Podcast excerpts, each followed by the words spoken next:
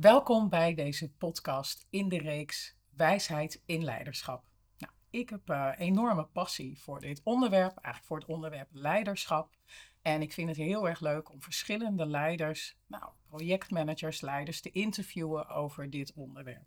Ik ben Diana van Donselaar van Wijs in Bedrijf en vandaag heb ik Petra Kuipers aan tafel. Petra, ja. zou je jezelf kort willen introduceren?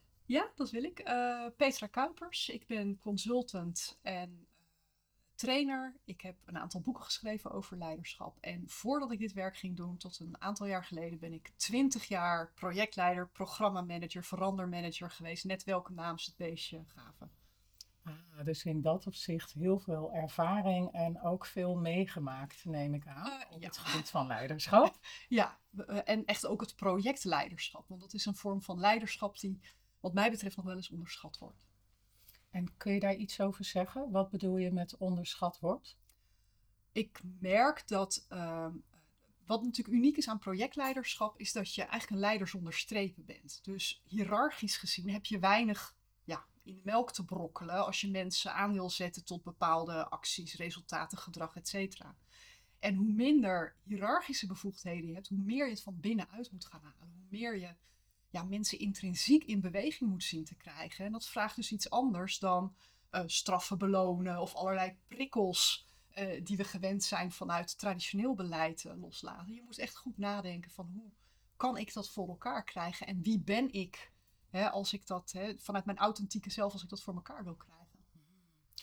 Ja, en ik neem aan dat jij in die twintig jaar ook dit soort worstelingen hebt gekend wat je nu beschrijft is voor jou denk ik ook een soort antwoord, denk ik, op worstelingen die jij hebt ervaren.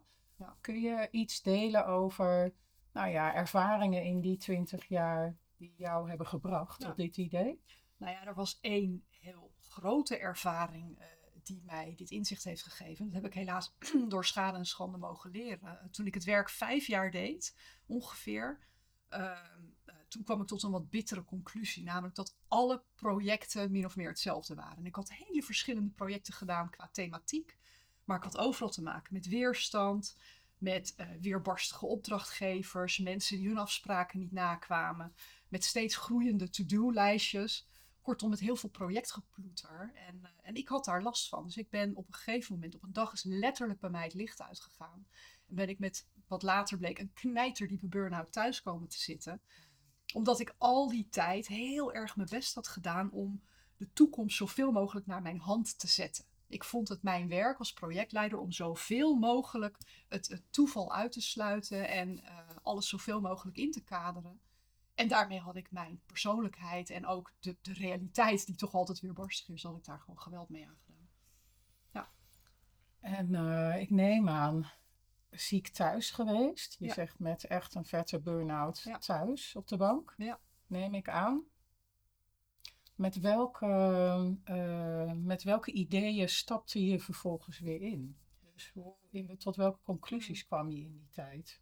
Nou, een van de dingen die ik zelf heel belangrijk vond, was dat ik heel snel merkte van, maar projecten zijn echt wel het allerleukste om te doen. Het is wat ik het allerliefste doe.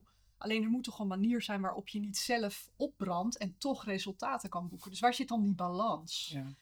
En ik ben toen eerst gaan zoeken binnen het veld van projectmanagement. Nou, je hebt het over, nou, wat zal het zijn geweest, 2005 ongeveer. Dus er was al wel het nodige te vinden. En ik had al behoorlijk wat certificaatjes gestapeld. Dus ik sprak vloeiend projectmanagement, zeg maar. Maar wat ik zocht was die menselijke kant van hoe kan ik vanuit mijn instrumentarium, mijn persoonlijkheid, mijn, mijn eigen uh, ja, karakter, mijn persoonlijkheid. Hoe kan ik dat veel beter gaan aansturen, dat het past bij wie ik ben? En toen kwam ik op allerlei andere terreinen terecht die niet direct, nou ja, niet direct bij denkt van als projectmanagement, maar psychologie, uh, dingen als groepsdynamica, maar ook bijvoorbeeld marketingcommunicatie. Daar kan je ontzettend veel van leren. Want als iemand weet hoe je, weet ik veel, deodorant moet verkopen. Omdat je de indruk wekt dat er allemaal wilde, gillende jonge vrouwen achter je aan gaan zitten of zo. Als het om, hè, wat was het ook alweer? Nou, ik mag geen merken noemen, maar. maar dan denk ik, dan hebben zij wel iets te pakken wat mensen in beweging zet. Ja. En daar ben ik uit gaan leren. En daar ben ik dus heel wijd omheen gaan zoeken. Dus in eerste instantie nog steeds heel erg vanuit dat hoofd. Ja. En pas daarna ben ik gaan zoeken, maar wie ben ik? En wat zit er in mijn gereedschapskist? En hoe kan ik mensen, uh, hoe kan ik me verhouden tot bepaalde situaties? Dat ik niet de probleemeigenaar ben, maar dat ik meer een soort instrument ben. En daarbij zie ik je uh, wijzen, hè? dus ik Mhm. zie je eigenlijk Ja. steeds dit doen. Kun je daar iets over zeggen? Wat eh, dit betekent? Ja, ja. Nou, ik, ik denk dat je twee vormen van leren hebt. En één vorm, daar was ik ontzettend bedreven in. En dat was zeg maar horizontaal, certificaatjes, diploma's, kenniscompetenties. Gewoon lekker veel kennis vergaren. Dus ik was altijd wel met een training, cursus, opleiding bezig. En dat is voor mij horizontaal leren. Maar het echte verschil kwam toen ik verticaal ging leren. En wat ik daarmee bedoel is aan de ene kant uitzoomen. En vanuit een soort, ja, bijna eagle eye, hè, helikopterview kijken van wat gebeurt er nu? Wat voor dynamieken zie je? Wat voor patronen? Wat voor paradoxen zie je? Wat, wat zie je nu precies gebeuren als je uitzoomt en niet naar de individuele personen kijkt, maar naar de groep als geheel? Wat gebeurt daar nu? Waar stroomt de Ah, ja. energie naartoe? Waar, waar, waar stagneren dingen? En, en in wat voor situaties zie ik dingen stagneren? En aan de andere kant is het inderdaad naar binnen. Want je instrument, dat is eigenlijk wie jij bent. Dus op het moment dat ehm, jij heel boos tegen mij doet en ik word getriggerd, dan ga ik of heel boos terug doen, of ik gooi alle luiken dicht en ik ga uit verbinding. Terwijl ehm, op het moment dat ik dat even gewoon kan processen en, en weer, weer helder wordt in mijn waarneming, kan ik veel effectiever ingrijpen. Dus wat gebeurt er in mij en hoe reageer ik daarop en hoe kan ik daar ja, een soort hygiëne of zo in ontwikkelen? Ja, ja, ja. Wat- Wat herken jij daarvan? Nou, in die zin noem ik natuurlijk ook wel een beetje. Dit is wel iets waar ik ook op aanga. Ehm, dus ik herken wat je zegt over hoe essentieel het is om ten alle tijde eigenlijk jezelf weer terug te kunnen brengen naar een soort staat van kalmte en Ja. rust. Ja, een soort neutraliteit is het, hè? Want het is niet positief, niet negatief, maar het is. Ja, en daar, zit, en daar zit ook iets in met, ik geloof ook weer niet in volledige neutraliteit, want ik denk dat dat ook wel, nou eigenlijk een onhaalbare zaak is.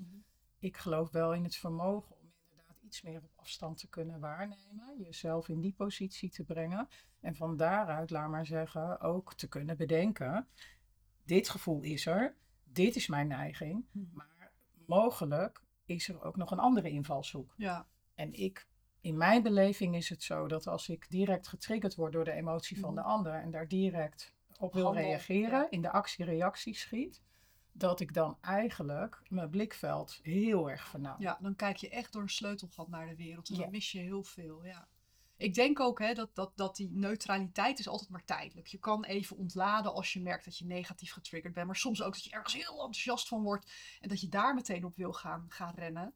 Maar als jij als projectmanager, verandermanager of wat je rol dan ook is, als jij een instrument bent, dan zorg je dat je in het oog van die storm gaat staan. Dus dat jij niet heel hard mee gaat draaien in al die stormen, maar dat je even kijkt vanuit het midden van oké, en wat gebeurt er nu en hoe kan ik daar het beste op reageren? Ja.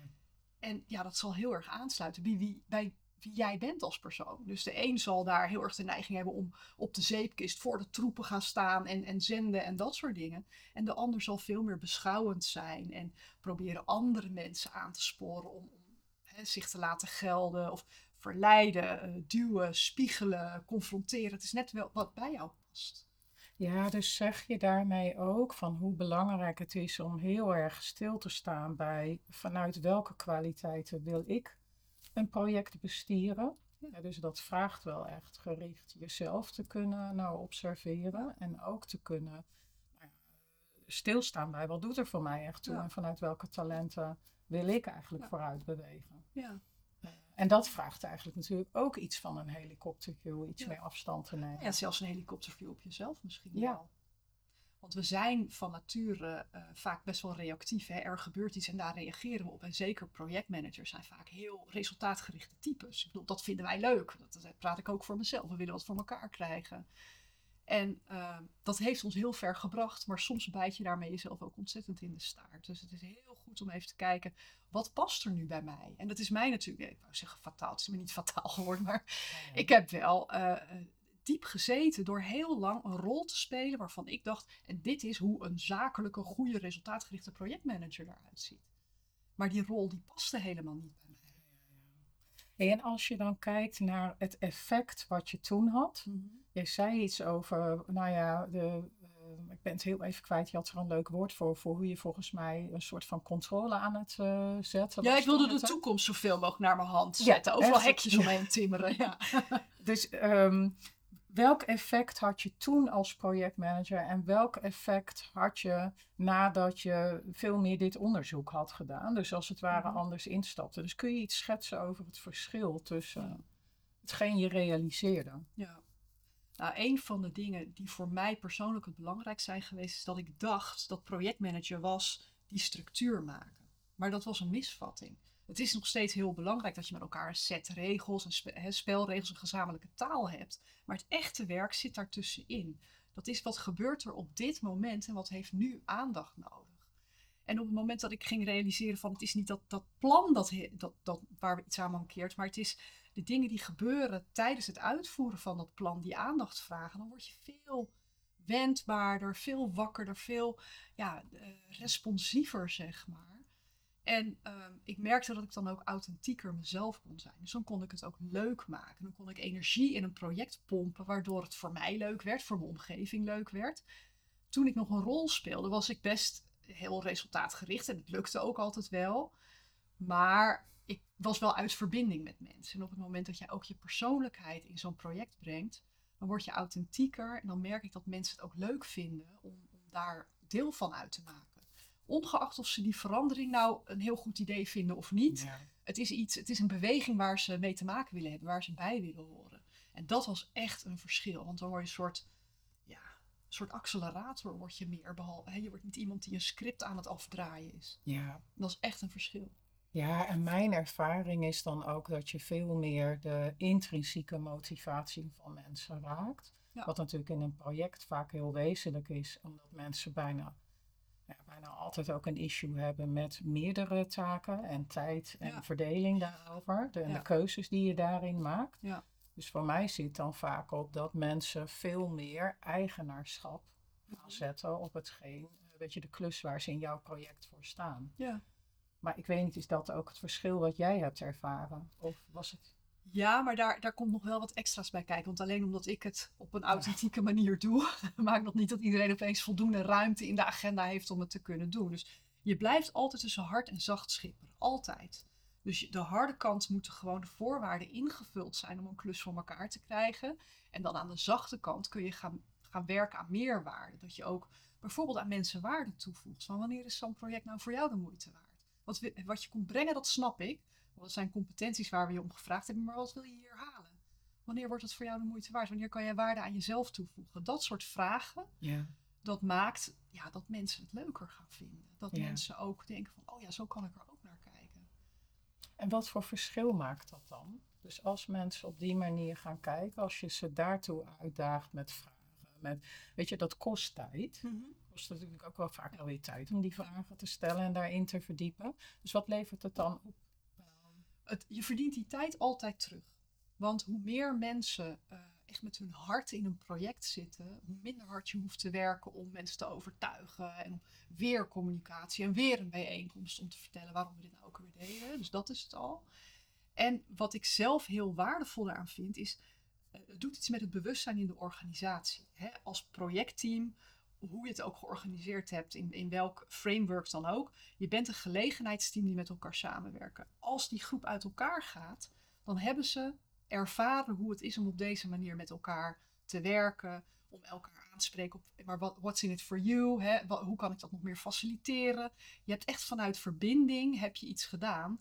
En dat nemen ze allemaal weer mee naar hun eigen werkplek. En dat maakt dat een organisatie, ja, er zit een soort ripple effect komt daaruit. En dat vind ik zelf het meest waardevolle dat gaat ver over de, de, de einddatum van een project heen. Ja, ja, ja, dus in die zin zeg je eigenlijk van dat waaiert ook uit naar verschillende plekken in de organisatie. Je kan het niet meer onweten. Als je zo gewerkt hebt, dan is dat een stukje van jou geworden. Dan heb je dat een stukje geïnternaliseerd en dan neem je dat weer mee. Hmm. en nou zitten wij hier voor de podcast Wijsleiderschap. nou weet ik ook dat jij bezig bent met een ontwikkeling die gaat over nieuw leiderschap. Ja volgens mij wat we daarin wel delen is een stuk zicht en visie op uh, nou dat inderdaad met de horizontale beweging en neiging je eigenlijk in de kern geen project of organisatie meer goed leidt. Mhm.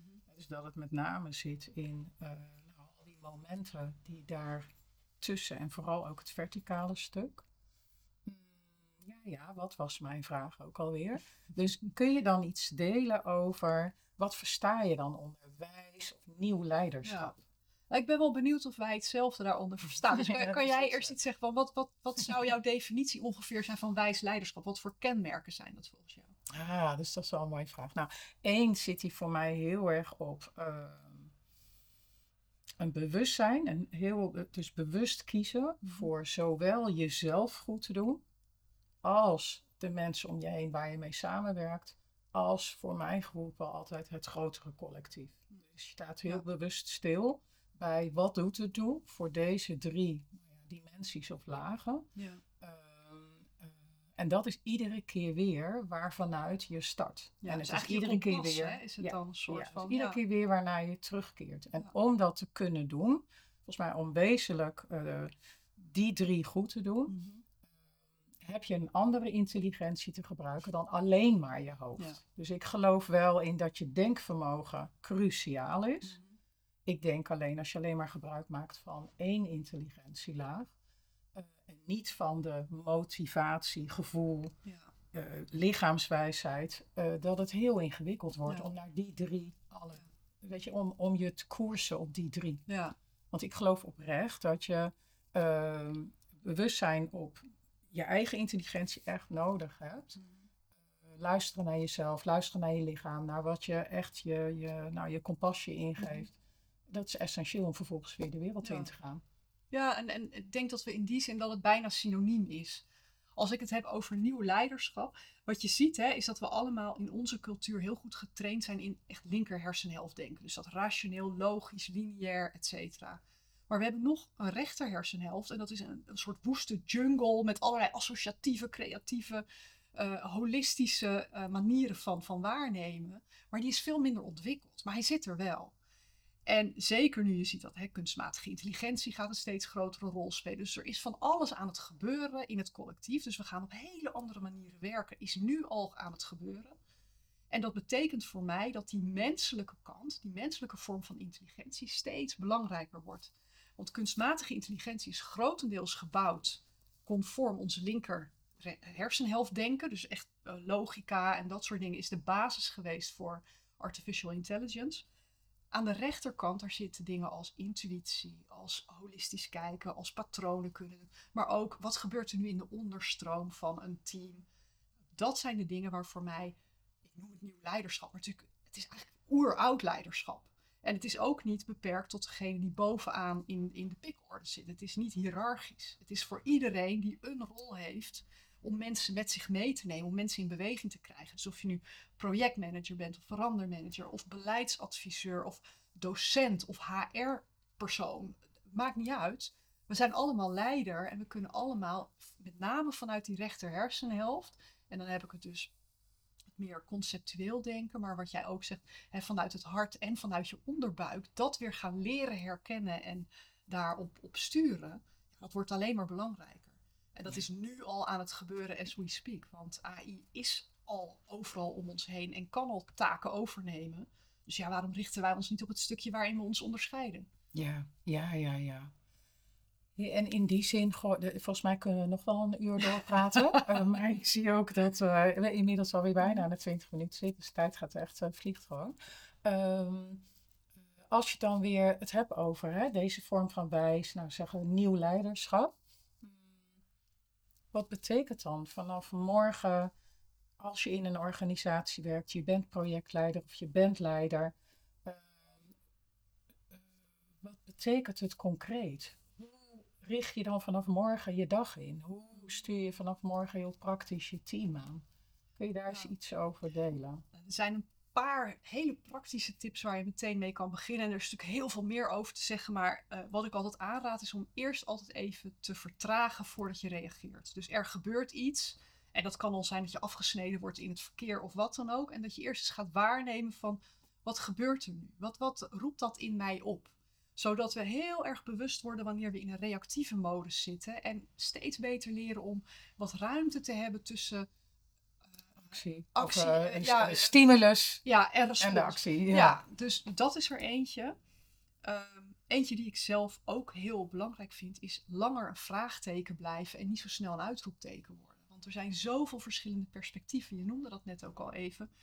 Ehm, zijn er andere eh, perspectieven die ook waar kunnen zijn? Hè? Dus ik nodig mensen altijd uit voordat je tot een conclusie komt. Zoek nog in andere bronnen en eh, stel twee verdiepende vragen op zijn minst voordat Ja. je verder gaat. Dus ik denk dat de superpowers voor de komende tijd is eh, nieuwsgierigheid. Echt je nieuwsgierigheid als spier ontwikkelen.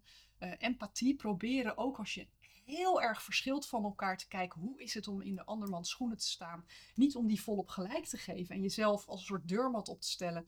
Maar meer om te kijken van hé, hey, interessant, er kunnen meerdere waarheden naast elkaar bestaan. Daar ontstaat voor mij wijsheid uit. Als je Ja. die meningen met elkaar kan spiegelen en toch met elkaar in verbinding blijft.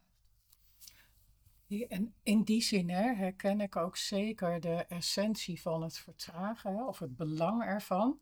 Want in die zin ehm, eh, herken ik ook de neiging, die ik ook zo bij mezelf herken, hè, is op het moment dat je een probleem tegenkomt, of je zit te sparren, of je kijkt nog eens naar je laptop en je wil een oplossing bedenken, dat je zo kan hangen in alleen maar proberen nog harder Ja, te praktiseren en te Ja. denken. Ja, en ja. eh, weet je, nog eens eh, op inhoud eigenlijk weer hetzelfde gesprek aangaan. Dus ergens zeg jij wederom, hè, is eigenlijk een stuk afstand nemen. Van daaruit heel even een moment zetten tussen datgene wat er gebeurt en je Mhm. neiging en je reactie erop. Ehm, hoe dan praktisch? Dus wat helpt dan, wat helpt jou of wat hielp jou ook echt praktisch om dat moment van vertragen? Weet je, in, Ja. in een wereld die zo hectisch Ja. soms ook is, Ja. hè, waar je natuurlijk aan één geschakeld van de ene meeting bij wijze van spreken van de andere gaat. Nou, er zijn bij mij twee dingen die, die echt een soort aha-moment gaven. Het ene was de realisatie dat ik niet mijn gedachte ben, maar dat ik hetgene ben dat naar mijn gedachten kan kijken. Want op het moment dat jij beseft, hé, hey, ik ben niet die gedachte, ik, ik kan mijn gedachten waarnemen, dat is bijzonder. Dus op een of andere manier ben ik het bewustzijn wat naar mijn eigen gedachten kan kijken. Dat was bij mij een soort knop om van, oké, maar dan kan ik daar dus ook in gaan vertragen. En het tweede eh, wat ik mezelf heb aangeleerd, en, en ik ben er nog niet feilloos in hoor, zeker alles behalve, ehm, eh, is af en toe echt even in mijn lijf zakken voordat ik een beslissing neem. Ja. Omdat ik, als jouw stressrespons aanschiet, dan schiet het ook aan alle kanten aan. Dat is gewoon. En dan ga je in dat hoofd zitten en dan ga je inderdaad door het sleutelgat naar de wereld kijken.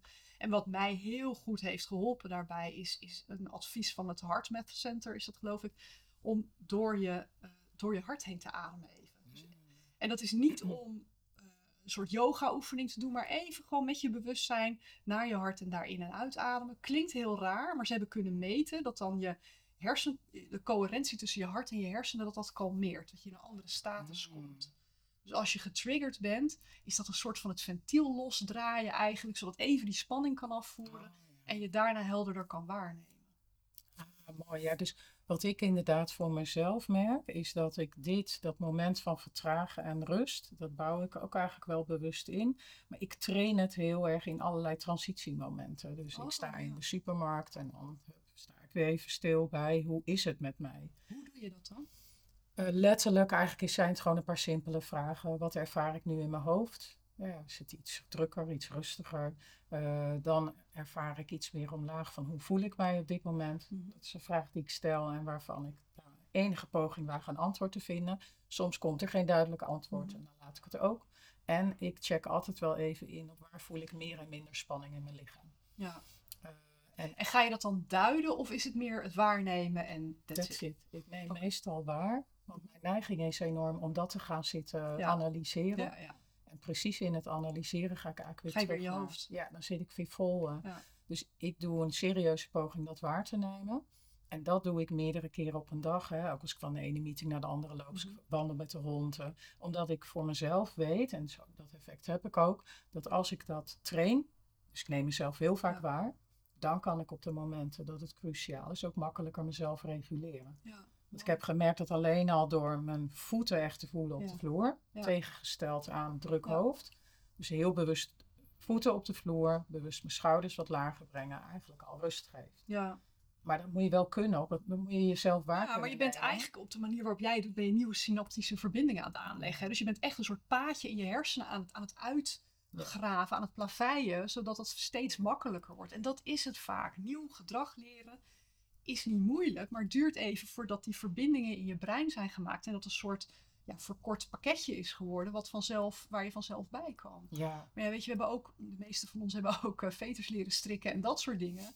En dat, dat gaat op precies dezelfde manier. Iets, Ja. iets ervaren, iets leren. En, ja, Ja. ja, en wat ik hier wel mooi vind, dan moet het volgens mij afronden, maar ja. wat ik ook hier wel mooi aan vind, is dat, en dat herken ik volgens mij ook wel in eh, jouw visie, is dat het gelukkig voor mij gaat over ehm, vermogens die we van nature al lang hebben. Ja. Dus ik heb het vermogen om de zwaartekracht te voelen en eh, weet je, mijn voet op de vloer te zetten en daarin als het ware eh, meer tot rust te komen. Ja. Dus het is allemaal natuurlijk vermogen, Ja. wat je eerder weer aanspreekt en wat je bij wijze van spreken soms geblokkeerd hebt, Ja. in plaats van dat je alleen maar nieuwe dingen leert. Ja, Maar Ja. dat is volgens mij haakt een beetje aan wat jij beschrijft over horizontaal leren en verticaal ja, leren. helemaal.